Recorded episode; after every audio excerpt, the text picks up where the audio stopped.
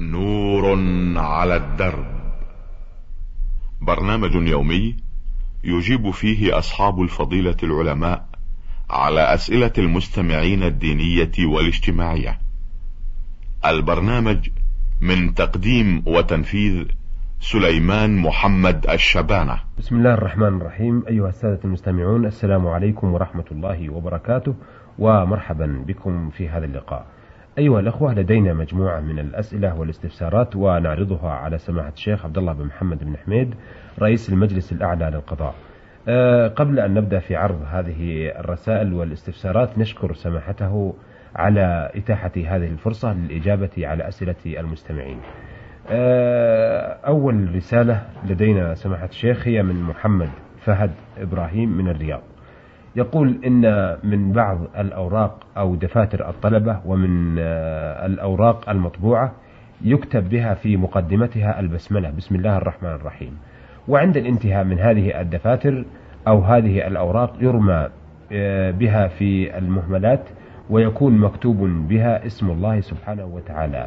ما الواجب فعله في هذه الأوراق؟ وهل يجوز حرقها؟ أفيدونا أفادكم الله. بسم الله الرحمن الرحيم. يا أخ محمد فهد إبراهيم من الرياض. تقول يوجد في بعض دفاتر الطلبة وفي غيرها وأقول لك أيضا حتى وفي الصحف وبعض المجلات يوجد فيها إما آية قرآنية أو ذكر لله سبحانه وتعالى ثم مع هذا تلقى في الشوارع أو في الأمكنة القذرة وفيها اسم الله جل وعلا. هذا لا يجوز. ولا ينبغي لمسلم أن يخاف الله ويتقيه. أي يمتهن اسما من أسماء الله بأن يلقى في القمائم والنفايات وفي المحلات القذرة بل عليه أن يعظم اسم الله ويعظم الآيات القرآنية وكذلك أحاديث رسول الله صلى الله عليه وسلم. وتقول هل يجوز حرقها؟ نقول لك نعم إما دفنها أو حرقها. فحرقها أولى من إلقائها في الشوارع تداس وتوطى وتمتهن. فهذا لا يجوز ولا ينبغي ويجب تعظيم اسم الله وتعظيم آيات القرآن وأحاديث رسول الله صلى الله عليه وسلم ولا سيما الثابتة عنه. أحسنتم. هذه أيضا شطر رسالة محمد فهد إبراهيم يقول إن بعض مصاحف الطلاب الصغار لا يحافظ عليها فتمزق أوراقها ويصعب قراءتها. هل يجوز أيضا حرقها خشية عليها من الرمي على الأرض؟ لا سمح الله. يا أخ محمد فهد إبراهيم من الرياض تقول إن بعض المصاحف تتمزق وهذا المتمزق الذي لا ينتفع به هل يجوز حرقه؟ نقول لك نعم. عثمان رضي الله عنه حرقه ولا بأس بدفنه في المسجد أو في مكان طاهر في البرية أو غيرها. إن دفن فهو أولى وإن حرقه فلا بأس به كما فعل عثمان رضي الله عنه. آه هذه رسالة وصلت من المستمع يقول اسمي السعيد أحمد محمد القاهرة آه بولاق يقول حفظت القرآن الكريم وأنا صغير في قرية بلتاج. بعد ذلك حصلت على وظيفة سائق بإحدى المصالح الحكومية ومشكلتي كالآتي. على مدى الأيام الماضية انحرفت وطاوعت الشيطان ونسيت القرآن الكريم والطريق المستقيم الذي أنشئت عليه في القرية. وأنا الآن في أشد الحيرة والندم على الذي كنت أنا السبب فيه شخصيا. باتباع الشيطان وأنا مستعد الآن للتوبة النصوح والرجوع إلى الله وحفظ القرآن الكريم مرة ثانية. فأرجو من سماحتكم الرد علي بالقاهرة والإفادة. إزاي أتوب وأكفر عن سيئاتي وأرجع لحالي الذي كنت عليها سابقا. ولسيادتكم جزيل الشكر. يا أخ أحمد محمد من بولاق بالقاهرة تقول إنك نشأت في بدء نشأتك نشأة طيبة حفظت القرآن وأنك عملت سائقا في بعض المصالح الحكومية وأنك بعد هذا انحرفت وارتكبت من الجرائم ما ارتكبت والآن ندمت على ما فعلت و... و... وتأسفت على ما صدر منك وتريد العودة إلى ما كنت عليه أولا من المحافظة على أوامر الله وحفظ القرآن. نقول لك يا أخي محمد هذا من علامات توفيق الله لك. إذا تبت توبة صادقة مقبلا بها على الله مبتعدا عن كل ما يسخط الله. حتى ورجعت إلى أوامر الله مؤتمرا بأوامره منتهيا عن نواهيه. وحفظت القرآن فهذا من علامات توفيقك وسعادتك. ولكن التوبة لها شروط ثلاثة. أولا الندم على ما فات. الثاني الإقلاع عن الذنب الثالث العزم على ألا تعود وإلا فالتوبة بابها مفتوح. قال الله تعالى قل يا عبادي الذين أشرفوا على أنفسهم لا تقنطوا من رحمة الله إن الله يغفر الذنوب جميعا إنه هو الغفور الرحيم وأنيبوا إلى ربكم وأسلموا له. وقال وتوبوا إلى الله جميعا أيها المؤمنون. وذكر ابن حجر رحمه الله قصة لرجل وهو أنه أطاع الله عشرين عاما ثم عصاه عشرين عاما بينما هو ينظر وجهه في المرآة إذ أبصر الشيب قد بدا من لحيته فحزن وتألم لوجود هذا الشيب. فسمع قائلا يقول يا هذا أطعتنا فشكرناك وعصيتنا فأمهلناك وإن رجعت إلينا قبلناك. فينبغي يا أخ أحمد أن ترجع إلى الله فإن الله يقبلك والله أعلم. أحسنتم. آه، الرسالة هذه من المستمع سعد صالح الفجري من الأحساء العيون. يسأل عن ارتفاع المهور أو يرجو توجيه كلمة عن ارتفاع المهور وكذلك يسأل عن الدين. آه، يقول أرجو توجيه كلمة عامة لعموم الناس الذين وقعوا في هذه المشكلة وهي ارتفاع المهور وخاصة عندما عندنا بمدينة العيون بالأحساء حيث وصل المهر إلى ثمانون ومائة ألف ريال مما يصعب على الشاب الزواج بيسر والآن الشباب بدلا من أن يتزوجوا يشتري سيارة لعدم مقدرته على المهر الذي ارتفع. إن هذا وقع وتكرر عندنا بالعيون والأحساء ولا يزال المهر في ارتفاع. جزاكم الله خيرا. نرجو توجيه كلمة لعل الله يفيد بها. يا أخ سعد بن صالح الفجري من العيون بالأحساء. تقول إن المهور ارتفع مما جعل الإنسان لا يستطيع أن يتزوج. فقد وصل المهر عندكم في عيون الأحساء إلى ثمانين ألفا إلى مئة ألف.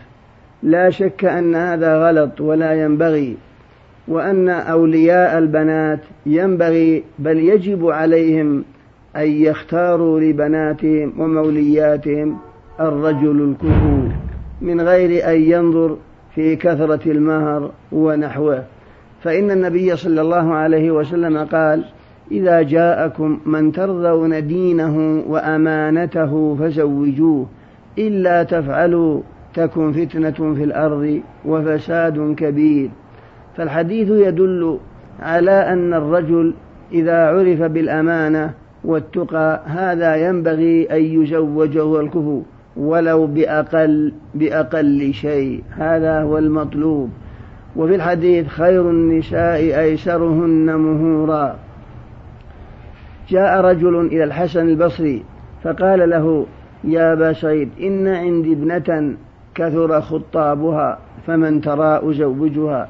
قال يا ابن أخي زوجها من يخاف الله ويتقيه فإنه إن أحبها أكرمها. وإن أبغضها لم يظلمها.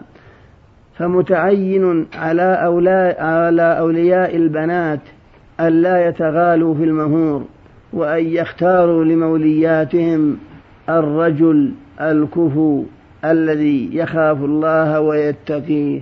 كما كان عليه سلفنا الصالح. وأي مصلحة في هذا المهر في غلاء المهر وارتفاعه؟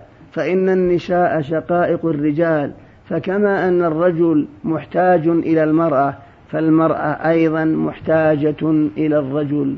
وأنت متى زوج والرجل متى زوج ابنته أو أخته أما علم أنها عورة سترت ومؤونة كفيت فولاء المهور لم تأت به شريعة ولم يؤيده عقل وهذا كله من الأمور السخافة التي يجب على المسلمين تركها والابتعاد عنها والتساهل في المهور وأن وهو أن المتزوج يدفع ما تيسر وولي البنت يقبله ويزوج ابنته على الشاب الكفو التقي. هذا هو المطلوب. لا في ثمانين ألفا أو مئة ألف فإن هذا من الأمور التي نهت عنها الشريعة.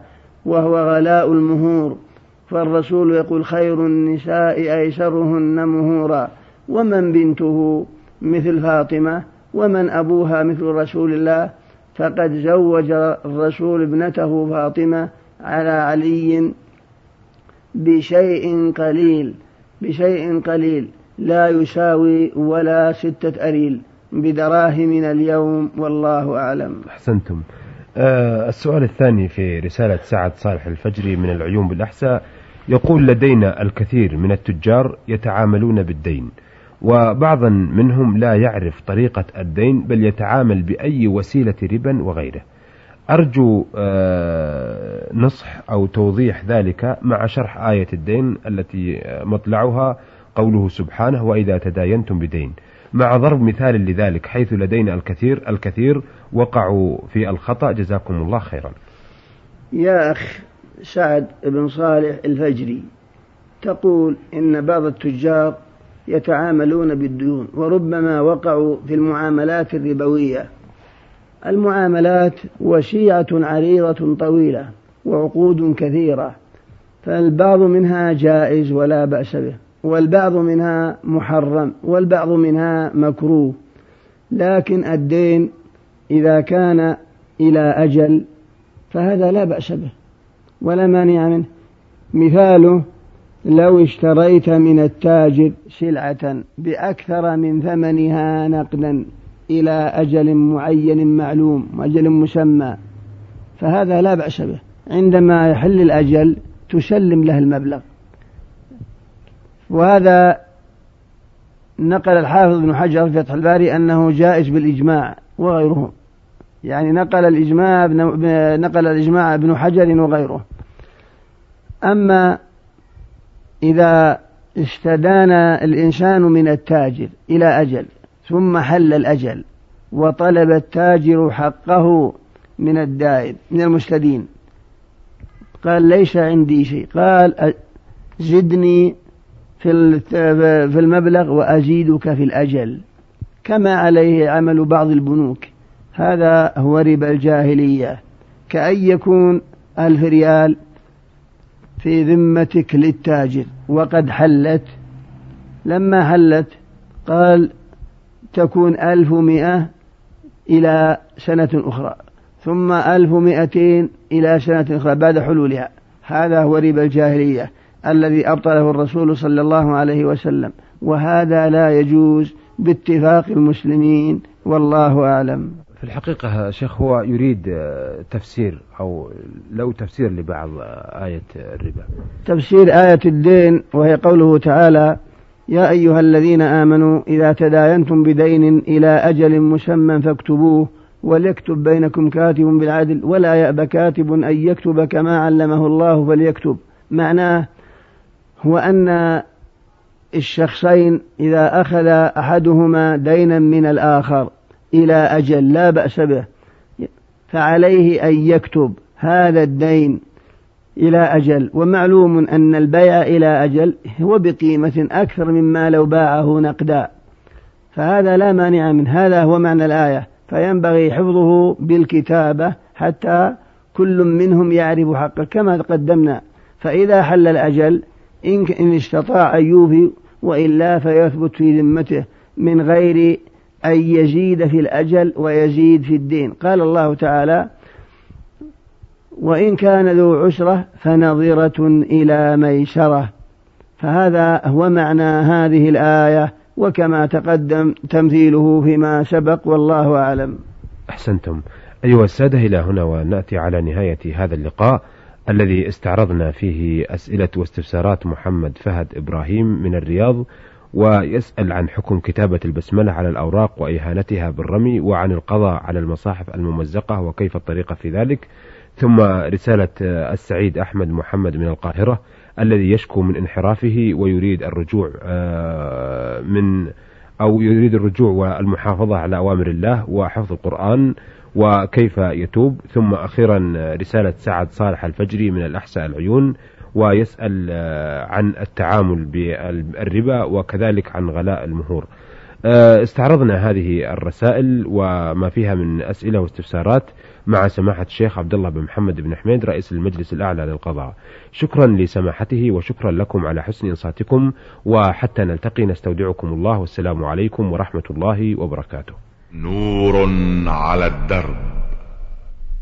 برنامج يومي يجيب فيه أصحاب الفضيلة العلماء على أسئلة المستمعين الدينية والاجتماعية. البرنامج من تقديم وتنفيذ سليمان محمد الشبانة.